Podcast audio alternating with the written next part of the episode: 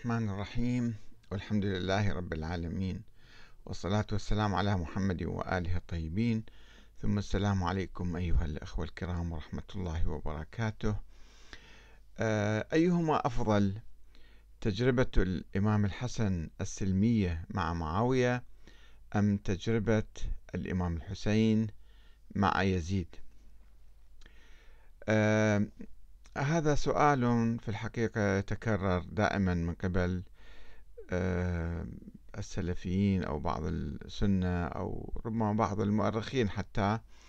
آه، وسؤال هو قديم انعكس على مواقف بعض الفقهاء كالإمام أحمد بن حنبل الذي رفض مطلق الخروج على الحكام. آه، الأخ أبو علي زا. يسأل يقول أستاذ أحمد لدينا تجربتان. تجربة سيدنا الحسين عليه السلام. وكلنا يعلم ولا يجهل ما نتج عنها. آه، ما نتج عنها من مصائب وأول مصيبة وأعظمها وأشنعها هي قتله وقتل من معه من أهل بيته عليه السلام. ومن ثم ما نتج بسبب ذلك من ويلات وتفرقة وتمزق واقتتال بين أبناء الأمة وإلى يومنا هذا. والتجربة الثانية هي تجربة سيدنا الحسن عليه السلام وما نتج عنها من اجتماع ووحدة وفتوحات وانتشار للإسلام في أرجاء المعمورة. ولا يخفاك ما حصل ويحصل من زمننا في زمننا هذا الذي نعيشه في كثير من الدول العربية التي خرجت شعوبها لتغيير الأنظمة فيها وما نتج عن ذلك من سفك للدماء والخراب والدمار والظلم والتهجير والتشريد والاستبداد والاستئثار بالسلطة والمال من طائفة ضد طائفة ولديك العراق أقرب وأوضح مثال على ذلك. فأي تجربتين أستاذنا الفاضل تحب وترغب؟ في الحقيقة هذه هذا السؤال أو هذا الكلام فيه مغالطات كثيرة. يعني تحميل آه، كل ما حدث بالتاريخ من آه، دماء أو من ثورات وخراب وظلم وتهجير على الإمام الحسين هذا فظيع جدا. وأيضا آه، يعني القول بأن تنازل الإمام الحسن لمعاوية هو الذي أدى إلى الفتوحات وهو الذي أدى إلى السلام وإلى انتشار الإسلام في المعمورة. هذا أيضا مو صحيح لأنه آه، الإمام الحسن صحيح آه، تنازل عن آه، الخلافة وقد بويع بيعة شرعية طوعية من قبل الأمة ما عدا الشام اللي كان يحتلها معاوية. وفضل قال طيب إذا إحنا نريد يعني نستمر في المعارك ربما سوف يقتل كثير من الناس خلي نتنازل ونصالح على أن تعود الأمور إلى الإمام الحسن بعد معاوية أو تعود شورى للمسلمين. آه، وهذا لم يحدث. معاوية لم آه، يعني يعمل بالشورى وأوصى إلى يزيد. وقلب النظام الدستوري الإسلامي من الشورى إلى الحكم الاستبدادي المطلق.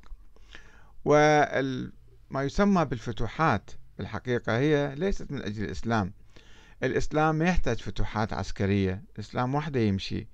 وفي أفريقيا وفي في جنوب شرق آسيا في ماليزيا وفي أندونيسيا وفي كثير من البلاد انتشر وينتشر حاليا بصورة سلمية. يعني الإسلام ليس ضعيفا حتى يستعين بالقوة لكي ينتصر على الآخرين ويفرض نفسه.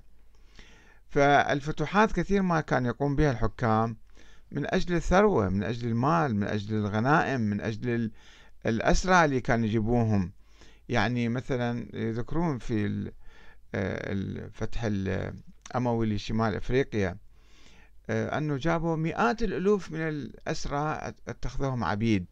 ثم انتقل آه، انتقلت الخلافة إلى مثلا آه، الأندلس بالقوة. وظلوا أهل الأندلس يقاومون المسلمين إلى أن قضوا عليهم بعد عدة مئات من السنين. لأنه القوة تستجلب القوة. آه، العثمانيون آه، فتحوا تقريبا نصف أوروبا. ولم يسلم أحد. ولم يسلم إلا القليل. وبعد بعد ذلك قاموا بثورات عليهم وأجبروهم على الانسحاب. وهكذا في أماكن كثيرة عندما تستخدم القوة أنت من أجل فرض دين معين لا تستطيع أن تقنع الناس بذلك الدين. إنما سوف آه، الناس يقومون بثورات عليك. فأنا الآن لا أريد أن أبحث موضوع انتشار الإسلام. الإسلام انتشر ليس بالقوة. الإسلام انتشر في مختلف أنحاء العالم كما كتب آه، آه، أرنولد توماس الكاتب الإنجليزي قبل حوالي مئة سنة آه، حول الدعوة إلى الإسلام. وقال عبر التاريخ وعبر العالم كله الإسلام لم ينتشر بالسيف. فإذا الفتوحات هذه ليست دليل على هذه امتداد سلطة. واحد حاكم يريد يمد سلطانه يستخدم الإسلام ويستخدم المسلمين في الفتوحات. يابا أنا دا أفتح البلاد. آه، وهو يظلم وهو يطغى وهو يتجبر وهو آه، يعني آه، يسحق الإسلام في داخل بلده ويقول أنا فتحت هذه البلاد. هذا أولا. الشيء الثاني الإمام الحسين ليس يعني كل ما حدث في التاريخ من حروب وثورات هذا شيء طبيعي. يعني عندما يكون هناك ظلم في أي مكان بالعالم وما نشاهده اليوم في البلاد العربية ليست لا علاقة لها آه، بثورة الإمام الحسين. إنما في كل بلد حاكم يظلم يسرق ينهب يقتل يخون البلد فتحدث ثورات شعبية وتطيح بذلك الحاكم أو بذلك النظام وتطالب بالعدالة. هذا شيء فطري طبيعي أن الناس يطالبون بالعدالة وبالحرية. فلا يجوز أو لا يمكن أن نقول بأنه آه، الإمام الحسين قام بثورة وهذه الثورة جرت علينا مصائب وآلام عبر التاريخ. هذا نوع من تشويه قضية الإمام الحسين. وإنكار للحقائق الموضوعية الموجودة في كل البلاد. ثم أن الإمام الحسين لم يقم بثورة مسلحة. الإمام الحسين آه، حركة شعبية سلمية ديمقراطية خلينا نسميها الآن بالمصطلح الحديث. الناس رفضوا أن واحد يجي يفرض نفسه عليهم ويكون حاكم بالقوة والإكراه عليهم كما فعل معاوية عندما فرض يزيد على الأمة الإسلامية وأخذ البيعة من الناس بالقوة من بعض الناس طبعا. أهل الشام أهل العراق لم يعطوا هذه البيعة وقالوا إحنا ما عندنا علينا إمام يا أبا عبد الله أبا عبد الله الحسين تعال وأنت احكمنا. وهو قام بحركة سلمية مثل ما تجري أي انتخابات. الناس ينتخبون هذا الحاكم. ثم الحاكم الفاشل الحاكم الخاسر يستبد بالسلطة ويحاول أن يفرض نفسه بالقوة ويقتل الناس ويذبح الناس. المسؤولية تقع على ذلك الحاكم المجرم الذي قتل الناس وقتل الإمام الحسين.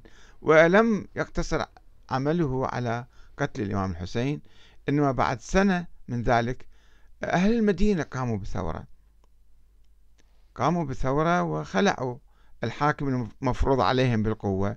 وأرسل يزيد إليهم جيشا بقيادة مسرف ابن عقبة وقتل منهم عشرة آلاف واحد وافتض بكارة ألف فتاة وقتل من الصحابة ومن التابعين سبعمائة واحد. فالذي يتمسك بالسلطة بصورة إجرامية هو الذي آه، يقتل الناس ويذبحهم ولكن الناس عبر التاريخ عندما يستد ظلم حاكم من الحكام يقومون بصورة طبيعية يأمرون بالمعروف وينهون عن المنكر ويغيرون هذا الحاكم. فلا يجوز أن نستشهد بما حدث ويحدث قديما وحديثا في هذه البلاد وأن نلقي التجربة. يعني صدام حسين كان يقوم بحروب ظالمة وعبثية كان يضرب شعبه بالكيمياوي. آلاف الناس مرة واحدة بحلبشة وفي كردستان ويقوم بالأنفال ناس أحياء عوائل كاملة مئات الألوف من الناس من الشباب والنساء والأطفال كلهم يدفنهم وهم أحياء في مقابر جماعية. يعني يجب أن الناس يستسلموا إليه ويقولوا أحسنت بارك الله فيه وصفقوا له. هذا أي منطق هذا؟ لا منطق إسلامي ولا منطق إنساني ولا منطق عقلي. أن نحن نستسلم. ما ما هو يعني إذا إحنا قلنا آه، بهذه بهذا الكلام وبهذه النتيجة أنه والله خلينا نستسلم للحكام وين ما كانوا خلي هذا يبيعنا ويشتري بينا الحاكم ويخوننا ويدوس على أعراضنا وعلى ويشرب الخمر في الكعبة ويزني في الكعبة بالتلفزيون يومين نصف ساعة كما يقول ذاك الشيخ السعودي فهل هذا منطق؟ هل هذا دين؟ هل هذا عقل؟ هل هذه إنسانية؟ كل العالم يرفض الظلم والطغيان ويرى بأن الحاكم يجب أن يكون منتخبا من الناس ويلتزم بالقوانين آه، التي يحددها الناس ويعني يحترم إرادة الناس لفترة يحكم ثم يذهب. كل العالم تطور بس البعض من عندنا لا يزال متشبث بهالأفكار الإستسلامية. العبودية اللي كلها يعني تنم عن روح العبودية. وأنا نقبل هذا الحاكم. طيب وأين ذهب الإسلام؟ خلي الحاكم هذا يروح يفتح لكل العالم إذا هو ظالم وطاغية ومتجبر وسفاح ويقتل ويعمل الحروب العبثية. يقاتل إخوان المؤمنين إخوان المسلمين يوالي أعداء الله. ونقول لهم طيب معلش إحنا ما خصنا لأنه راح يصير مثلا مجازر أو دماء. نحن لا ندعو إلى الثورات العسكرية ندعو إلى الحركات الجماهيرية الشعبية كما عمل أهل أهل العراق أهل الكوفة. عندما استدعوا الإمام الحسين ولم يقتلوا أحدا والإمام الحسين لم يرق مقدار قطرة دم واحدة لم يرق إنما حاولوا أن يذلوه ويهينوه فرفض ذلك. حركته كانت حركة سلمية. لم تكن حركة آه، عسكرية ومسلحة وعدوانية. صحيح في الثورات التي تحدث في الشعوب دائما هناك جماعات مثلا أو أحزاب أو فئات تحاول أن تستغل تلك الثورات وتوجهها حسب آه، أهدافها وتحرف الثورات.